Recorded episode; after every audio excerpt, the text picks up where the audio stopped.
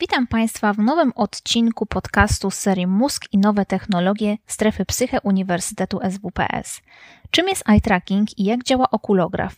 Jakie ma zastosowania? Te standardowe i mniej standardowe. Czego nowego możemy dowiedzieć się o mózgu stosując okulograf? Czy i w jaki sposób wykorzystanie eye trackera może pomóc nam w leczeniu urazów mózgu i chorób neurologicznych? Czy za pomocą eye trackera możemy się komunikować z komputerem? Na te i na wiele innych pytań odpowie dziś mój i Państwa gość, dr Krzysztof Krejc. Dr Krzysztof Krejc jest psychologiem, a jego zainteresowania naukowe koncentrują się wokół własności i dynamiki uwagi wzrokowej w interakcji człowieka z komputerem, dostępności mediów, edukacji multimedialnej, psychologii poznawczej i poznania społecznego. Pan doktor jest jednym z prekursorów psychologii zachowania człowieka w internecie w Polsce.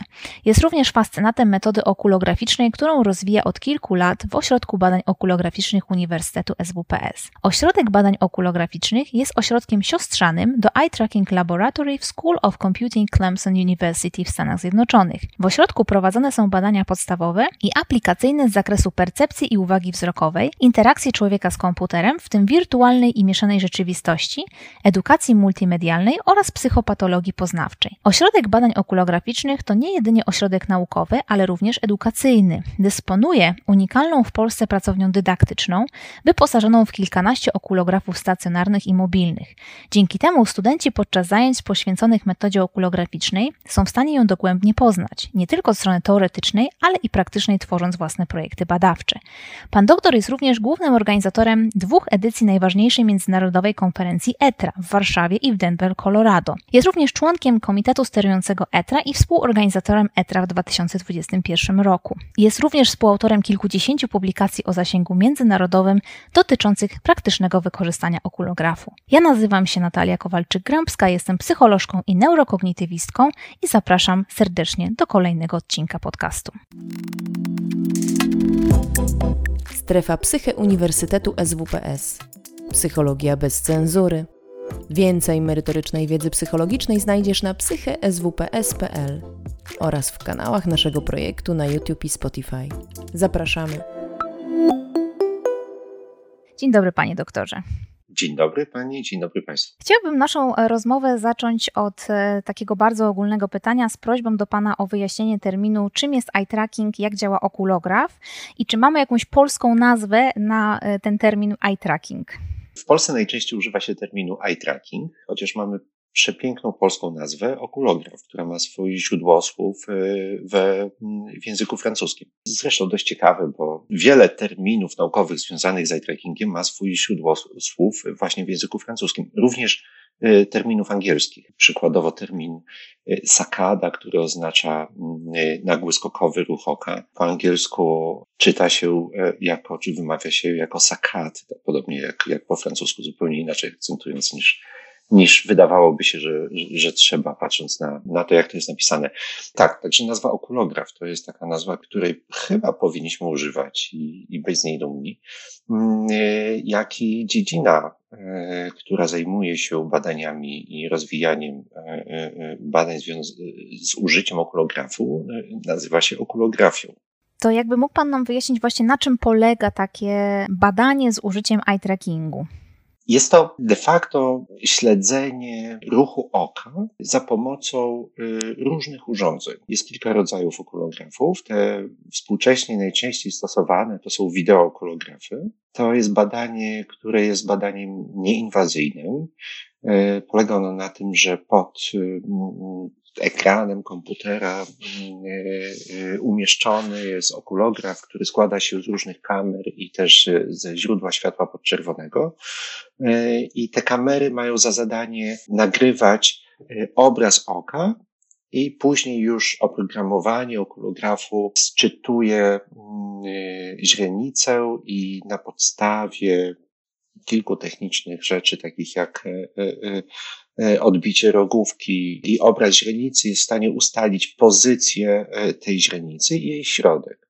Dzięki temu jesteśmy w stanie bardzo precyzyjnie śledzić, na co człowiek patrzy, gdzie pada wzrok człowieka, gdzie kieruje swój e, gdzie kieruje swój wzrok. Brzmi banalnie, natomiast rzeczywiście nie jest to bardzo proste urządzenie. Te urządzenia są zazwyczaj dość skomplikowane i mają bardzo zaawansowane oprogramowania E, w związku z tym też ich koszty są dość, dość wysokie. No są też trochę bardziej inwazyjne metody mierzenia ruchów oka, takie jak elektrookulografia, która polega już e, na tym, że przyczepiamy człowiekowi e, kilka elektrod wokół oka i sczytujemy potencjał, czy też różnicę potencjałów na rogówce oka czy też e, jeżeli patrzymy w lewo czy w prawo, to odpowiednio lewa lub prawa elektroda e, e, pokazuje nam większy potencjał.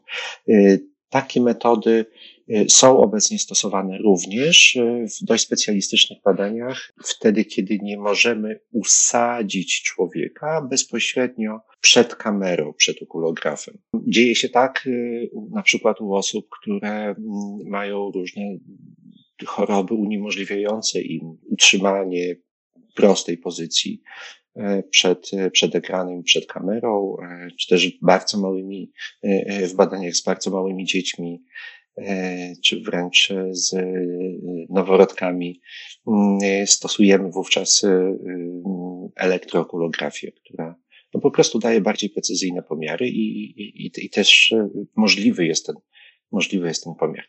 Natomiast do, takich, do takiego użycia najbardziej powszechnego to obecnie, obecnie wideokulografia e, rządzi, można tak powiedzieć, i jest czymś, co przychodzi pewnie każdemu na myśl, kiedy słyszy słowo eye tracker. Czyli możemy tak podsumować, że taki właśnie ten podstawowy, podstawowy eye tracking polega na tym, że mamy kamerę, która śledzi nasze ruchy gałek ocznych i bardzo skomplikowane oprogramowanie, które potem przetwarza tak, ten zebrany sygnał, e, zebrane informacje. Przynajmniej ja taki właśnie widziałam u Pana w, w laboratorium, tak, takie mam pierwsze skojarzenie. A chciałam teraz e, zapytać o to, jakie zastosowanie, takie najbardziej ogólne, najbardziej powszechne właśnie ma eye tracking. E, może tu podzieli się Pan doświadczeniami z, z prowadzonych prowadzonych przez siebie badań? No, eye tracking e, e, ma niezwykle szerokie zastosowania i wydaje się, że obecnie jesteśmy, przeżywamy kolejną e, falę zainteresowania eye trackingiem zarówno wśród badaczy, jak i praktyków. Mm, taka pierwsza fala była gdzieś na początku XX wieku, w momencie, kiedy Baswell wydał pierwszą książkę bazującą na badaniach eye trackingowych e, w latach XX, e, XX wieku. Druga fala była w okolicach lat 60., gdzie niezwykłą popularność zdobyło śledzenie mm, wielkości źrenicy i badania oparte o wielkość źrenicy. No obecnie widzimy taką trzecią falę. E, szczególnie ona jest e, silnie widoczna w badaniach e, HCI, w badaniach interakcji człowieka z komputerem, gdzie okazuje się, że właśnie eye tracking jest chyba jedną z podstawowych metod badawczych stosowanych w takich interdyscyplinarnych projektach badawczych. Przykładowo, jeżeli interesuje nas, jak dostrzegane będą różne elementy w serwisie internetowym, i jak szybko człowiek będzie w stanie zorientować się, gdzie te różne przyciski w serwisie internetowym są, czy różne informacje, y, to nic lepiej nam na to pytanie nie odpowie niż śledzenie wzroku użytkownika w trakcie używania takiego y, serwisu czy projektu tego serwisu. Mm, czy człowiek będzie w stanie dotrzeć y, wystarczająco szybko do informacji, którą zawieramy na stronie internetowej, a dla nas, jako twórców tej strony, jest to informacja kluczowa, mm, to nic nam tak w stanie nie będzie dobrze o tym powiedzieć, jak właśnie mm, eye tracking, który jest, tak jak już mówiłem, metodą nieinwazyjną, a jednocześnie bardzo obiektywną i e, jest w stanie mierzyć pozycję oka i spojrzenie człowieka mm, mm, kilkaset razy na, mm, na sekundę. Więc dokładnie w momencie, kiedy człowiek spostrzeże coś, to to widzimy. E, dałem te dwa przykłady, bo jak wiemy, obecnie docieranie do informacji i używanie serwisów e, internetowych jest czymś, co musi się dziać instant, co musi się dziać zupełnie niezauważalnie dla użytkownika. Zresztą wystarczy spojrzeć na statystyki przebywania na stron internetowych. O ile kilka lat temu jeszcze przeciętny użytkownik spędzał na jednej stronie internetowej 13 sekund, to teraz jest to niewiele ponad 7 sekund. Mm, więc w ciągu dwóch y, sekund y, musimy, y, powinien on dotrzeć do tej informacji, która jest kluczowa, czy do tego, do tej funkcjonalności, która jest kluczowa dla danego serwisu. Jeden z przykładów, chyba jeden z prostszych. A gdybyśmy tutaj rozwinęli ten temat, jeżeli chodzi o psychologię, o badania psychologiczne. Ja również jestem naukowcem i prowadzę mm, różne projekty badawcze i to, z czym się mierzę najczęściej, to jest problem deklaratywności odpowiedzi danej osoby badanej, tak, danego uczestnika projektu. Czasami zdarza się tak, że na przykład prezentujemy osobom badanym w celu oszacowania na przykład ich zdolności poznawczych, różnego rodzaju testy komputerowe, różnego rodzaju bodźce, na które prosimy, żeby reagowali.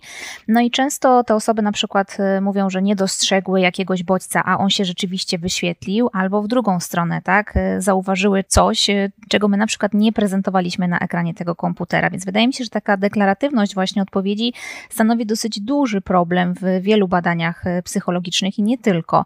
Czy zastosowanie eye trackingu mogłoby w jakiś sposób e, nam w tym pomóc? Bo wspomniał Pan, że eye tracking to jest niezwykle obiektywna metoda. No tak, bo nie wymaga żadnej świadomej odpowiedzi od osoby, mm, osoby badanej, która może być filtrowana przez e, przekonania, emocje, mm, Tak naprawdę mm, w momencie, kiedy coś zostanie spostrzeżone, to my to również widzimy.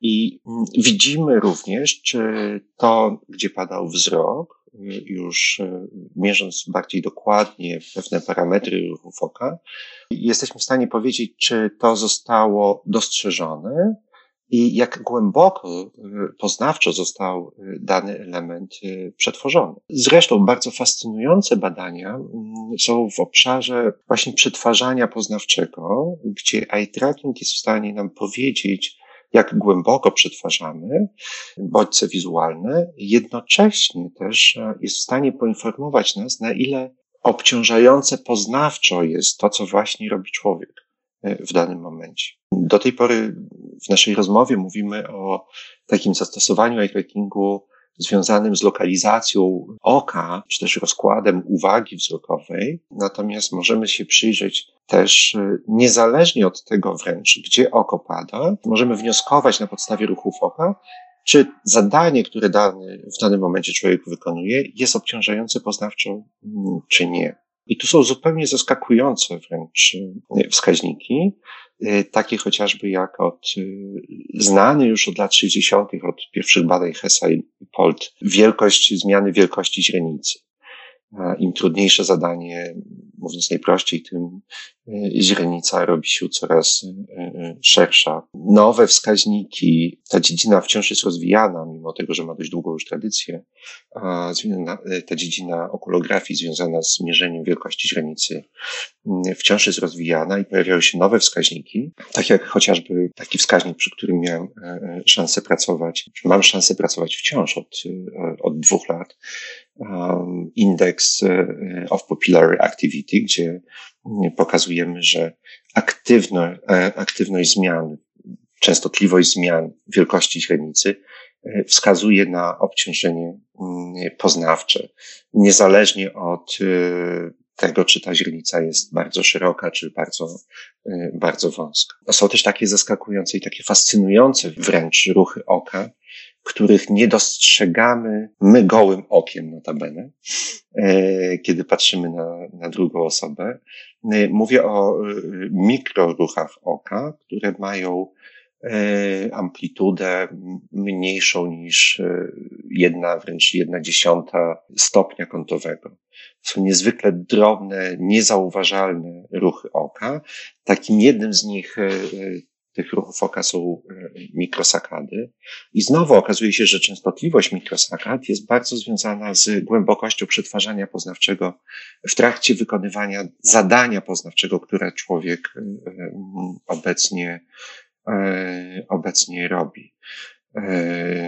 Częstotliwość, jak i wielkość tych minimalnych ruchów oka, tych mikroruchów oka, e, też jest związana właśnie z, też na jej podstawie możemy wnioskować o obciążeniu poznawczym. I tu są potrzebne już bardzo specjalistyczne mm, okulografy, które niezwykle szybko są w stanie wychwycić e, pozycję oka, mm, no bo te mikroruchy musimy złapać. One mają e, tak jak mówiłem, amplitudę nawet mniejszą niż jedna e, dziesiąta stopnia kątowego, a trwają nie więcej niż 12 milisekund. No, a okazuje się, że są niezwykle diagnostyczne i coraz częściej używane. Też między innymi właśnie w badaniach e, interakcji człowieka z komputerem. O tej diagnostyce jeszcze będę chciała później Pana dopytać, ale chciałabym jeszcze powrócić, powiedział Pan o, mm, o badaniu właśnie różnego rodzaju procesów poznawczych, jak eye tracking może nas tym wspierać. A moje pytanie brzmi, jak ta metoda może nam pomóc y, w wyjaśnianiu różnych zagadek dotyczących, y, jak pracuje, jak funkcjonuje nasz mózg, czyli czego więcej o mózgu możemy się dowiedzieć, stosując właśnie tą metodę eye trackingu. Na pewno jest y, tak, że mm, przy różnych dysfunkcjach mózgu i zaburzeniach stosuje się różne wskaźniki okulograficzne. Dość nową i ciekawym zastosowaniem okulografii wydaje się mm, na przykład używanie ruchów oka czy też w zasadzie błędu w śledzeniu bodźca, na poruszającego się bodźca na ekranie, do diagnostyki wstrząśnienia mózgu.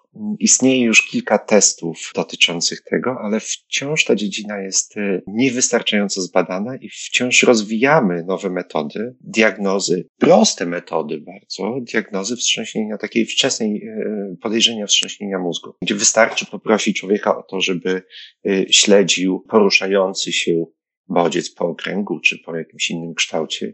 Mm, I znowu patrząc na to, jak precyzyjnie jest w stanie to robić e, lub nieprecyzyjnie, e, jesteśmy w stanie, e, wydaje się, zdiagnozować bardzo wcześnie wstrząśnienie. Czy stopień wstrząśnienia jesteśmy w stanie w ten sposób zdiagnozować, na ile jest to metoda, która jest specyficzna i rzetelna, to jeszcze pani nie jestem w stanie odpowiedzieć. Zaczynamy zresztą takie prace razem z Uniwersytetem w Clemson w Stanach Zjednoczonych. Notabene nie przez przypadek z tym uniwersytetem, bo jest to e, na tym uniwersytecie istnieje laboratorium badań okulograficznych, które jest siostrzane dla nas, które jest jednym z głównych ośrodków rozwijania okulografii na, na świecie.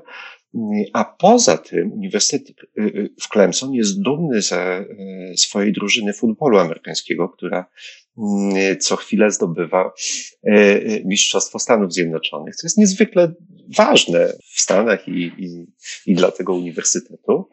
E, a ten sport akurat e, e, wiąże się z dużym prawdopodobieństwem tego rodzaju kontuzji, o których mówimy. Więc zaczynamy pracę, zobaczymy, jak one się rozwiną. Być może na, w następnym podcaście będę w stanie coś więcej powiedzieć na ten temat. No właśnie wczoraj przygotowując jeszcze do, do naszej rozmowy, przeczytałam właśnie w internecie taki news, że eye tracking pomoże nam w diagnozie wstrząśnienia mózgu i, i, i przyznam, że podeszłam do tego z taką dosyć dużą rezerwą jeszcze, ale właśnie chciałam dzisiaj o to Pana zapytać. Także jeszcze w takim razie czekamy na, na jakieś wstępne wyniki, wyniki badań, na pewno do tego wrócimy. Mam nadzieję, że pierwszy artykuł na ten temat nasz e, ukaże się e, w ciągu dwóch, trzech miesięcy. Już został zaakceptowany, czekamy jeszcze na, na drugi. No, nie chcę zapeszać to trzymamy kciuki i na pewno będziemy temat jeszcze dalej rozwijać. No z mojej perspektywy takiej, takiej bardziej neurobiologicznej na pewno wiemy już dzisiaj tak, że widzimy nie tylko oczami, że jest wiele ośrodków y, mózgu podkorowych, korowych, które jest zaangażowane w przetwarzanie różnego rodzaju obrazów, ale także koordynację naszych y, ruchów oczu. Ale rzeczywiście te ruchy oczu odzwierciedlają zarówno te właściwości takie fizyczne, e, wizualne tego otaczającego nas świata, jak i różnego rodzaju e, procesy myślowe. Dlatego też właśnie chciałam przejść teraz do kolejnego tematu, e, czy mm, i w jaki sposób możemy wykorzystać eye tracking przy właśnie diagnozie, czy też leczeniu różnego rodzaju zaburzeń neurologicznych, urazów mózgu. Mam tutaj na myśli takie konkretne przykłady z dziedziny dysleksji, autyzmu, Czy jakieś badania są Panu znane może na ten temat? Rzeczywiście to poruszyła Pani przykładowo takie y, obszary, gdzie tych badań jest bardzo dużo. My zajmujemy się w naszym ośrodku y, y, między innymi badaniami dzieci z dysleksją. To nie jest nową, które teraz powiem, bo takie wyniki są szeroko publikowane. Te dzieci z dysleksją mają zupełnie inny ruch oka w trakcie czytania niż dzieci bez dysleksji. Tak mówiąc najbardziej trywialnie, dzieci z dysleksją dużo więcej wykonują fiksacji podczas czytania, czy wykonują więcej zatrzymań wzroku podczas czytania, mm, nawet na pojedynczych słowach, częściej wracają do, do słów po to, żeby odczytać ich znaczenie. Na pierwszy rzut oka, kiedy widzimy nagranie z y, ruchu oka dziecka, albo skanpa w ruchu oka y, y, dziecka czytającego, to nawet czysto wizualnie, kiedy patrzymy na te wyniki, na takie wizualizacje, to, to ta różnica jest uderzająca między dziećmi z dysleksją, z diagnozą dysleksji i dziećmi bez diagnozy dysleksji.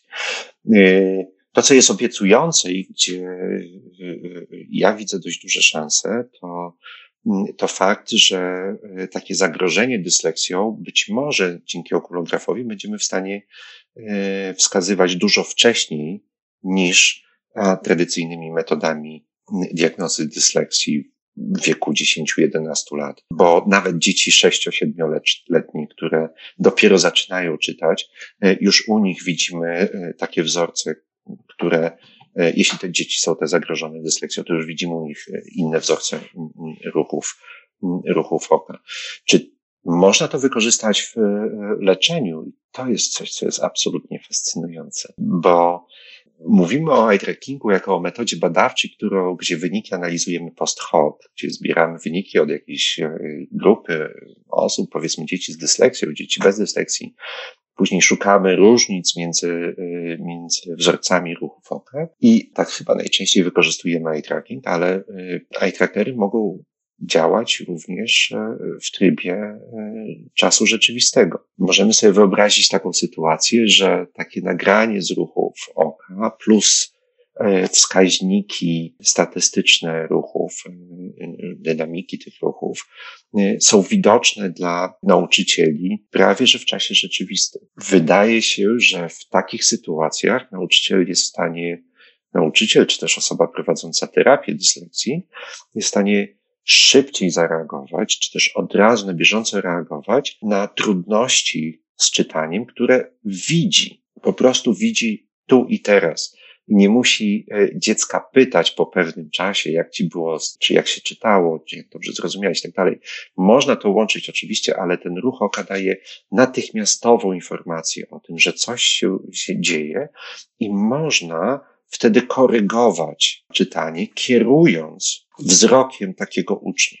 Albo może to robić sam nauczyciel, albo wręcz można sobie wyobrazić, że robi to mm, odpowiednio przygotowany program, który jest w stanie zobaczyć ruchy oka, które nie są standardowe podczas czytania i kierować e, e, je korygować, prosić o jeszcze ponowne przeczytanie, kierując wzrokiem e, odpowiednio. E, takie prace są dość mocno rozwinięte w, e, okazuje się, na Uniwersytecie Finlandii w Tampere. I takie prototypowe systemy gdzieś zaczynają istnieć. Nie ma takiego systemu jeszcze wdrożonego, ale wszystko na to wskazuje, że ponieważ technologia staje się coraz bardziej dostępna i coraz więcej wiemy, jak wykorzystać tracking, to wydaje się, że już niedługo takie systemy być może pojawią się E, też, e, też w praktyce. Spytała Pani również o autystów e, i czy też osoby ze spektrum autyzmu. I tutaj rzeczywiście te ruchy oka są też dość specyficzne, zwłaszcza w momencie, kiedy prosimy o czytanie twarzy. Osoby ze spektrum autyzmu najczęściej unikają takich elementów, które ze sobą twarzy, które niosą ze sobą ładunek emocjonalny, na przykład oczy, czy usta dość dużo koncentrują się na nosie, później na ustach, na oczach minimalnie. Jeżeli prosimy o osobę, która nie jest na spektrum autyzmu o przeczytanie twarzy, to najczęściej w obrazie ich, e, takiej osoby ruchów oka widzimy na twarzy taki trójkąt, e, dużo uwagi na oczach, mniej na nosie i sporo na ustach. E, natomiast u osób ze spektrum autyzmu ten wzorzec wygląda zupełnie, zupełnie inaczej.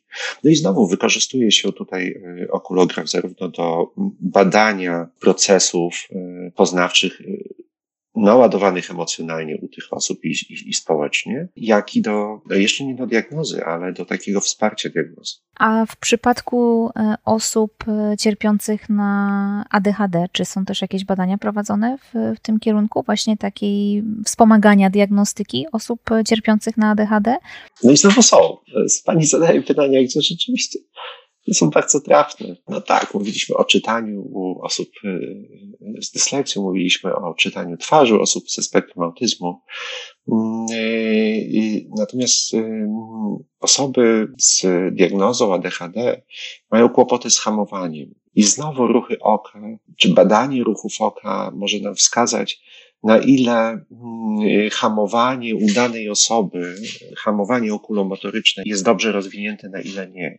Jeżeli zastosujemy okulograf, to fantastycznie stosuje się właśnie mm, okulograf jako dodatek do dobrze znanych metod behawioralnych, czy testów behawioralnych, takich jak test antysakad, gdzie zadaniem badanego jest e, e, spojrzenie świadomie e, w stronę przeciwną niż pojawia się coś na ekranie, coś, co odciąga uwagę człowieka, że świadomie przekierowanie uwagi i, i spojrzenie i, i, ruchu oka w drugą stronę, e, wymaga to całkiem sporych zasobów i, i, i zdolności kontroli uwagi. To, to zadanie jest bardzo trudne dla osób, które e, mają deficyty, deficyty kontroli uwagi. Tradycyjnie takie te testy antysakad bazują na odpowiedziach behawioralnych i czasach, czasach reakcji. Natomiast dołożenie tutaj okulografu daje nam e, e, bezpośredni wgląd, e, że rzeczywiście ten problem z kontrolą uwagi występuje, kontrolą okulomotoryczną i kontrolą uwagi występuje. Bardzo, bardzo widoczne to, to jest chociażby w takich testach. A oczywiście kontrola uwagi nie, czy deficyty kontroli uwagi nie, nie świadczą od razu o, o wystąpieniu ADHD. Jest to jedna ze składowych e, tego zaburzenia, ale one mogą być też przy, e, nie, nie tylko przy zaburzeniach, jakby przy, każdy z nas ma różny stopień e, rozwinięcia tej funkcji poznawczej, jaką jest kontrola uwagi. Okazuje się, że im lepiej to mamy rozwinięte, tym na przykład możemy się spodziewać lepszych efektów edukacyjnych im szybciej e, nauczymy się kontrolować swoją uwagę i nie zwracać uwagi na rozpraszające nas e, pojawiające się bodźce. Myślę, że to jest dość niezwykle cenna Y, funkcja poznawcza, szczególnie we współczesnym świecie współczesnych mediów i multitaskingu i wielu urządzeń, z których korzystamy w tym samym czasie. Tak, przełączanie to jest teraz kluczowy, kluczowa zdolność, bo ja na przykład kojarzę takie badania właśnie z osób cierpiących na ADHD, to były badania z wykorzystaniem elektroencefalografu, czyli do takiego urządzenia do badania bioelektrycznej aktywności mózgu i właśnie było tam wykorzystywane to zadanie antysakady, o którym Pan wspomniał. I dodatkowo jeszcze właśnie, żeby ulepszyć jak gdyby to badanie, żeby ono było bardziej obiektywne, te, y, to co mierzymy, to właśnie dołączono do tego badania dodatkowo eye tracking. Z mojej perspektywy również bardzo ciekawe jest, y, teraz y, widzę taki generalnie wzrost tego, że ludzie wykorzystują również eye tracking do badań w rezonansie magnetycznym, kiedy na przykład prowadzą eksperymenty z użyciem funkcjonalnego rezonansu magnetycznego, mm, żeby zbadać mm, neuronalne podłoże różnych procesów poznawczych. Dodatkowo też y, stosuje się właśnie eye tracking. Jest to na pewno skomplikowana operacja, bo to muszą być urządzenia, które mogą być y, wykorzystywane w tym środowisku rezonansu y, magnetycznego, ale coraz częściej rzeczywiście takie badania się w tej dziedzinie neuronauki również pojawiają. Także wydaje mi się, że to jest temat, który, temat rzeka, który, o którym moglibyśmy pewnie jeszcze kilka godzin dobrych dyskutować, ale chciałabym jeszcze zapytać, bo wspomnieliśmy o tym, że eye tracking może służyć jako taka metoda wspomagająca do diagnozy różnych zaburzeń, że może być również wykorzystywany jako ćwiczenie, rozumiem, że bazując właśnie na takim procesie sprzężenia zwrotnego, e, w przypadku na przykład dzieci z, z dysleksją, czy osób cierpiących na dysleksję. A jakie są takie najbardziej nietypowe wykorzystania eye trackingu, z którymi Pan się spotkał? Ja, ja może powiem to, co mi się udało wyszukać i, i byłam w, w lekkim szoku, jak znalazłam tą informację, że na przykład eye tracking wykorzystuje się przy sterowaniu urządzeniami bojowymi w tak zwanych systemach naprowadzających. A może Pan jeszcze mógłby się podzielić z nami jakąś, jakimś innym takim niespotykanym zastosowaniem eye trackingu? Czy jest to zaskakujące, to o czym pani mówi? Chyba nie. Nie jest? Okej. Okay. Tak, no w dziedzinie interakcji człowieka z komputerami, z maszynami e, eye tracking jest bardzo szeroko stosowany. W grach również e, pojawiają się już e, zastosowania eye trackingu, gdzie kierujemy postacią za pomocą wzroku, czyli właśnie akcjami w grach typu FPS, gdzie strzelamy, możemy możemy to robić e, za pomocą wzroku. Wręcz takie komercyjne urządzenia się już pojawiają całkiem, całkiem niedrogie, gdzie firma trackingowa razem z firmą produkującą komputery do gier sprzęgli wysiłki i każdy z nas na YouTubie może sobie obejrzeć demo z tych gier sterowanych, e, sterowanych wzrokiem. Na pewno takim zastosowaniem przyszłości, nad który, które, nad którym bardzo silnie pracują badacze, głównie z, Niemc, z Niemiec, bo tam chyba ta dziedzina się bardzo rozwija, to jest zastosowanie trackingu w e, samochodach. I tu myślę przede wszystkim o samochodach autonomicznych, gdzie no, do pełnej autonomii samochodów jeszcze nam daleko, gdzie pewna jakaś tam świadomość kierowcy, będzie potrzebna. No i rzeczywiście eye tracking używa się do tego, żeby y, mierzyć obciążenie poznawcze, gotowość y, uwagową człowieka. No nie chcę powiedzieć, czy to przy, czy przysypia, czy nie, ale bo to widać po zamkniętych oczach, nie potrzeba do tego eye trackingu, ale na przykład myślenie o niebieskich migdałach. Nie wiem, jak tutaj bardziej naukowego terminu y, y, użyć też od, odbieganie myślami gdzieś, gdzieś dalej. Znowu y, są prace prowadzone nad tym, żeby samochód z wbudowanymi trackerami był w stanie odczytać takie sygnały fizjologiczne od kierowcy i go ostrzegać. Wszystko oczywiście pod kątem bezpieczeństwa. Jeśli mówimy o zaskoczeniach i czymś futurystycznym, no powiedzmy, że samochody autonomiczne jest to pewna futurologia, ale o tym się strasznie dużo mówi, strasznie dużo już jest też e, legend miejskich, e, które wokół tego narosły. Ktoś mi mm, opowiadał o tym, że wręcz niektóre samochody już są za trackerami sprzedawane. Natomiast to, co wydaje się bardzo tak śmiesznie futurystyczne, to to sterowanie smartwatch, też interakcja ze smartwatchem, wzrokiem. I e, istnieją prototypy w laboratoriach, które wyglądają koszmarnie i nikt takiego jeszcze e, smartwatcha by nie chciał nosić, bo jest wielki, brzydki i, i ciężki, ale e, e, już są opracowane metody, w jaki sposób obsługiwać wzrokiem takie małe urządzenie jak, jak smartwatch. No, kwestia technologii i rozwoju technologii, żebyśmy mogli te metody interakcji stosować bez e, kalibracji, bez nawet sprawdzania dokładnie, gdzie człowiek patrzy. To jest takie trochę odejście od tego,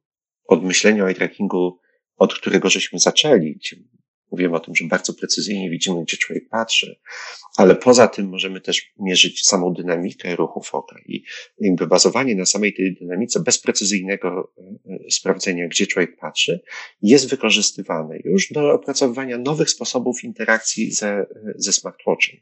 Przychodzi nowa wiadomość, możemy wzrokiem odpowiedzieć, czy czy odpowiedzieć na tą wiadomość, czy nie, czy ją skasować czy przychodzi notyfikacja o nowym mailu, to możemy wzrokiem odpowiedzieć, czy ten mail powinien się wyświetlić na ekranie, czy, y, czy może chcemy to, to zrobić później i tak dalej, i tak dalej. Jeśli chcemy podkręcić dźwięk w, mm, za pomocą smartwatcha i wzroku, znowu wzrokiem możemy to, mm, to zrobić, dźwięk muzyki, którą akurat słuchamy. Więc y, tak, tak. Bardzo ciekawym, innym jeszcze zastosowaniem jest na przykład stosowanie eye trackingu w mm, turystyce, gdzie opracowuje się systemy y, do tego, żeby kierować wzrokiem osoby zwiedzające na przykład miasta albo jakieś y, regiony kraju do, na odpowiednie, na te elementy, które są najciekawsze, które są y, najbardziej fascynujące.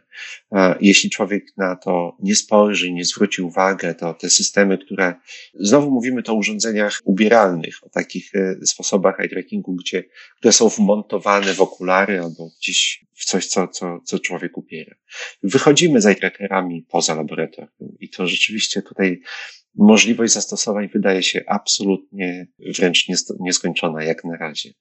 No stąd być może ten, ten boom na, na eye tracking na świecie, o którym mówiłem na samym początku. To zdecydowanie chyba jest właśnie też przewaga eye trackerów, że możemy rzeczywiście poza środowisko laboratoryjne e, z nimi wychodzić w porównaniu na przykład do, e, do, do takich metod jak elektroencefalografia, chociaż też już tak, pierwsze, pierwsze takie urządzenia się pojawiają, no ale rezonans magnetyczny dalej niestety jest tutaj, jesteśmy bardzo ograniczeni. Ja może tylko się e, wytłumaczę pokrótce, skąd to moje zaskoczenie. Jak powiedział Pan o tym, tym sterowaniu maszyn za pomocą wzroku, to rzeczywiście to nie jest takie zaskakujące. Mnie chyba tutaj najbardziej tak zaskoczył ten element y, maszyn bojowych, y, y, że to rzeczywiście już nawet w takiej dziedzinie no, wojskowej, militarnej również zna, znajduje swoje odzwierciedlenie. A ja chciałabym jeszcze wrócić na chwilkę do tych gier wideo, bo to jest, nie ukrywam, temat, który mnie badawczo bardzo, bardzo interesuje. Czy za pomocą e, eye trackingu możemy odczytywać nie tylko takie procesy e, poznawcze, ale też e, na przykład stan emocjonalny gracza?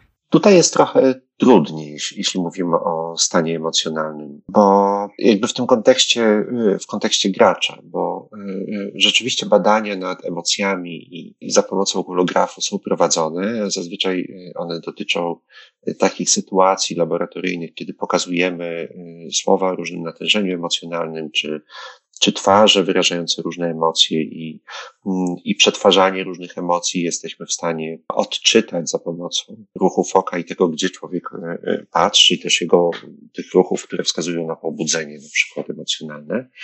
Czy bylibyśmy w stanie w sytuacji grania w grę komputerową e, gdzieś śledzić pobudzenie emocjonalne gracza? Samo pobudzenie emocjonalne wydaje się, że tak, bo znowu antysakady i, i aktywność źrenicy oka są dość silnie związane też z pobudzeniem, y, y, z pobudzeniem emocjonalnym.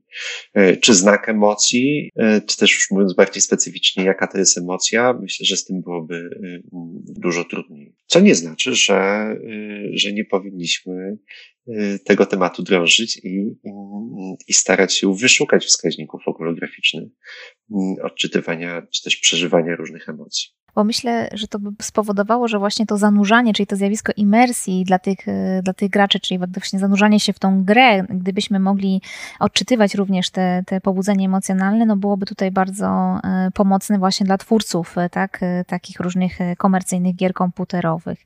No, miejmy nadzieję, że może za, za, za jakiś czas również takie badania się pojawią. A chciałabym jeszcze wrócić do tego tematu komunikacji za pomocą ruchów oczu z różnymi rodzajami rodzajami maszyn czy, czy z komputerem. E, I chciałabym tu nawiązać do, do osób, które no, borykają się z różnymi niepełnosprawnościami, czyli na przykład nie są, czy mają jakieś bardzo poważne schorzenia neurologiczne, czyli nie są w stanie komunikować się ze światem zewnętrznym e, za pomocą mowy, e, gestykulacji z użyciem kończyn. Czy właśnie eye tracking może wspierać takie osoby w, w, komunikacji ze światem zewnętrznym? Jest bardzo wiele fascynujących już rozwiązań dla osób, e, które nie mogą komunikować się w żaden inny sposób niż poprzez e, e, ruch oka, albo ten ruch oka jest dla nich najłatwiejszy do komunikacji ze światem. Wiele z tych rozwiązań, czy osób zajmujących się tymi rozwiązaniami pracuje w takiej grupie, która się nazywa Computer Gaze Interaction, COGAIN, gdzie rzeczywiście są już systemy opracowane do tego, żeby y, osoby mogły czy to odpisywać na e-maile, czy na wiadomości, czy przewijać strony internetowe, czy czytać strony internetowe, obsługiwać wręcz prawie cały komputer przez przez sam wzrok. Jeden z najbardziej chyba fascynujących takich rozwiązań widziałem, kiedy za pomocą takiego systemu, gdzie okulograf był trzonem, wykładowca, który był zupełnie sparaliżowany, e, prowadzi wykłady, wyłącznie e, poruszając oczami. No, były nagrania jeszcze sprzed czasów pandemii COVID, gdzie, e, gdzie rzeczywiście on spotyka się z tymi, mm, z tymi studentami na sali wykładowej i mając to całe urządzenie z okulografem, prowadzi wykład. Z głośników jest syntezator mowy generuje, generuje treść, dźwięk i treść tego wykładu. Także takie zastosowania oczywiście istnieją i są dość silnie rozwijane. Jest kilka ważnych problemów oczywiście z tymi rozwiązaniami. One wciąż są dość drogie i bardzo specyficzne do takiego powszechnego użytku i dość trudne do, do powszechnego użytku. Od strony badawczej wciąż są takie problemy, które są na przykład z, e, związane z takim zjawiskiem, które nazywamy dotykiem Midasa.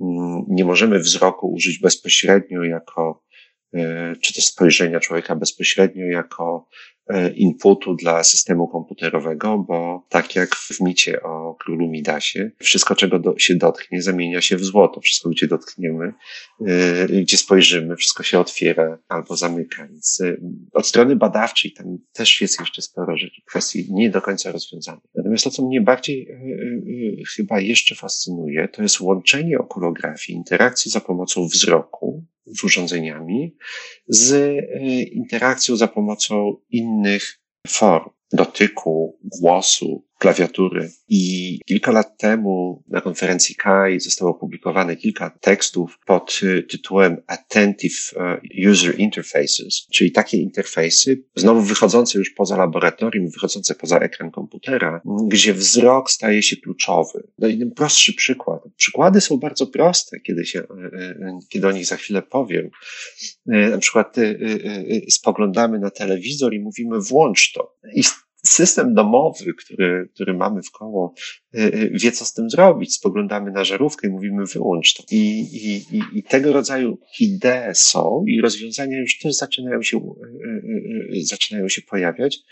I one są o tyle fascynujące, że sprawiają, że interakcja z urządzeniami internetu rzeczy, de facto staje się zupełnie mm, przezroczysta, czy sposób interakcji zostaje się przezroczysty i bardzo naturalny dla użytkownika. Tutaj potrzebujemy takich rozwiązań, które łączą różne sposoby komunikowania się, wzrok, mowa, dotyk, gesty razem ze sobą, po to, żeby ta interakcja była jak najbardziej naturalna. I eye tracking, no jak najbardziej tutaj znowu gra dość kluczową, e, kluczową rolę w e, takim sposobie uwagowego interfejsu jeśli mielibyśmy tak wprost to przetłumaczyć na polski. A jeszcze zadam takie praktyczne e, pytanie, e, czy w tych badaniach, na przykład takich laboratoryjnych albo do, do sterowania na przykład smartfonem, czy okulary e, są jakimś tutaj utrudnieniem w obsłudze tych, tych różnych maszyn, narzędzi?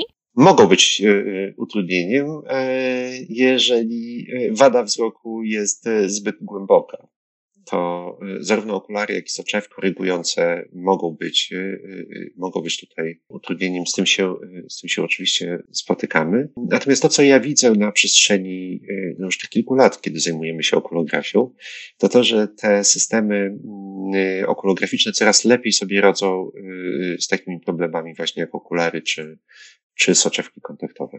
I jesteśmy w stanie, ja sam noszę okulary, niespecjalnie grube, natomiast y, zazwyczaj już teraz, y, o ile jeszcze kilka lat temu okulografy miały problem, żeby dobrze odczytać obraz źrenicy, to, to, teraz, to teraz już nie. Działa to bardzo sprawnie. No w takich sytuacjach, kiedy, kiedy badamy osoby z, z dużymi wadami wzroku, to, to rekomendowane jest używanie innych metod niż wideokonografia do pomiaru też ruchu oka właśnie. Na naszej stronie facebookowej Strefy Psyche pojawiło się kilka pytań od, od naszych e, słuchaczy naszych podcastów. E, jeden z słuchaczy zapytał, e, czy zna Pan jakieś przykłady wykorzystywania eye trackingu w świecie sportu? Aha, piękne pytanie. Uwielbiam to pytanie. W Korei Południowej eye tracking y, używany jest y, do nagrania mm, wzroku zawodników. Są używane do tego, żeby później im pokazywać, gdzie patrzą i trenować ich uwagę w trakcie gry w Babingtona. To jest sport, który jest e, u nas trochę niedoceniany, natomiast mm, jest sportem, który wymaga niezwykłego refleksu. Tam się dzieje wszystko super szybko. I rzeczywiście odpowiednie kierowanie wzrokiem i uwagą sportowca jest bardzo ważne i umiejętność kierowania tym wzrokiem przez sportowca. Więc takie treningi są tam jakby świadomie prowadzony. Jest to element treningu, y, y, zawodowego treningu y, sportowców zawodowych w Babingtona. Innym zastosowaniem okulografii w sporcie Otóż w zawodowym, sportowym strzelaniu. I w strzelaniu, i wtedy, kiedy na przykład trzeba wykonać jakiś rzut, może tak jak rzut do kosza, czy, czy, czy, czy odbicie piłki, okazuje się, że takie zjawisko u tych najlepszych sportowców występuje, które nazywa się e, quiet eye. Ono polega na tym, że ci najlepsi potrafią zatrzymać wzrok na celu przez kilka sekund w sposób zupełnie nienaturalny dla zwykłego człowieka. I znowu e, trenowanie quiet eye okazuje się, że jest wprowadzane w kilku dyscyplinach na poziomie olimpijskim, e, po to, żeby nauczyć poznawczo tych sportowców celowania w taki sposób, który daje im bardzo dużą pewność. Znowu element treningu. Piłkarze, to gdzie pada uwaga wzrokowa. Sami prowadziliśmy badania, mm, nieduży projekt badawczy na y, małej grupie młodych piłkarzy. Śledziliśmy ich wzrok podczas wykonywania y, jednego z kilku ćwiczeń piłkarskich i byliśmy w stanie na, tej, na podstawie tego, gdzie oni patrzyli, ile razy patrzyli na piłkę, ile razy patrzyli na trenera, na, na, na swoje nogi, na cel, byliśmy w stanie powiedzieć, jak y, dobrze sobie radzą na boisku. Bardzo ciekawe przykłady. Dziękuję bardzo za tą odpowiedź. I tak już na sam koniec chciałabym poruszyć jeszcze jeden, jeden temat, ponieważ do tej pory raczej zachwalaliśmy, tak, eye tracking i opowiadaliśmy o, o, znaczy pan opowiadał o takich e, dziedzinach, w których e, rzeczywiście on może na przykład pomóc nam diagnozować, e, czy też wspomagać różnego rodzaju programy treningowe. A czy z wykorzystaniem eye trackingu wiążą się jakieś zagrożenia? Czy, czy tutaj widzi pan jakieś obszary, w których na przykład zastosowanie tej metody jest, jest nieetyczne na przykład? Sam eye tracking jest metodą dość nieinwazyjną, więc tutaj e, e, większych kłopotów takich e, związanych z, ze zdrowiem dla osób nie ma. No, Poza może jednym drobnym elementem, że niestety wciąż on potrzebuje światła podczerwonego, żeby lepiej zobaczyć granicę. Wiem, że na ten temat, żeby to ominąć, prowadzonych jest wiele badań w różnych laboratoriach technicznych, a światło podczerwone, jak wiemy, wysusza naszą rogówkę, więc to może być kłopotliwe dla osób, które mają kłopoty z z wilgotnością oka. Kwestie etyczne są, natomiast są czymś dużo poważniejszym. E, bo kiedy mówimy o wyjściu z eye trackerami poza laboratorium i o takich scenariuszach, o których tutaj trochę futurystycznie rozmawialiśmy, to pojawia się problem prywatności. Bardzo silny problem prywatności. Zarówno prywatności e, osoby, która ma eye tracker na sobie, jak i osób, które spotyka, bo eye tracker śledzi wzrok osoby, którą badamy, ale jednocześnie, czy która go używa, ale jednocześnie ma kamerę nastawioną na świat. Jak zapewnić prywatność e, tych danych, które są zbierane? Nie do końca jeszcze wiadomo. Jest bardzo, znowu, ponieważ trackery wychodzą poza laboratorium, więc dość mocno rozwija się ta refleksja nad e, też technicznymi sposobami e, zapewnienia prywatności. Na taki, jedna z głównych konferencji skupiającej osoby zajmujące się okulografią, to jest jest e, konferencja Eye Tracking Research and Application, ETRA, którą miałem zaszczyt e, jedną z, e, całego ciągu organizować w Denver, Colorado. I tam mieliśmy oddzielny panel poświęcony właśnie kwestiom prywatności, bo samo zamazywanie twarzy nie wystarcza bo i tak dzieje się post factum i tak obraz musi być wcześniej gdzieś zachowany. Więc takie rzeczy muszą się dziać na, na bieżąco. Tu są kwestie związane też, nawet jeśli nie mówimy, nawet jeśli rozwiążemy kwestie związane z zamazywaniem obrazu, który widzi kamera nastawiona na świat, to mamy kwestie samych ruchów oka. Jest coś, o czym nie powiedzieliśmy jeszcze do tej pory, bo dynamika ruchów oka jest tak bardzo specyficzna dla poszczególnych jednostek, dla poszczególnych osób, jak odcisk palca. Jest to związane ze specyfiką naszą indywidualną y, mięśni y, wokół gałki ocznej i rozwoju tych mięśni wokół gałki ocznej. Jesteśmy, y, są prace, które pokazują, że jesteśmy w stanie rzeczywiście dość precyzyjnie identyfikować osobę, znając jedynie jej sposób poruszania okiem. Brzmi bardzo ciekawie. Brzmi ciekawie. I niebezpiecznie. czy jest to niebezpieczne? Może być to wykorzystywane jako alternatywa, nie wiem, do logowania się do różnych systemów, czy zabezpieczania różnych systemów, no ale z drugiej strony też jest, e, no ten miecz ma dwa ostrze. Możemy powiedzieć, e, że też może być wykorzystywany do tego, żeby identyfikować osobę w sytuacjach, w których nie chce e, być identyfikowana.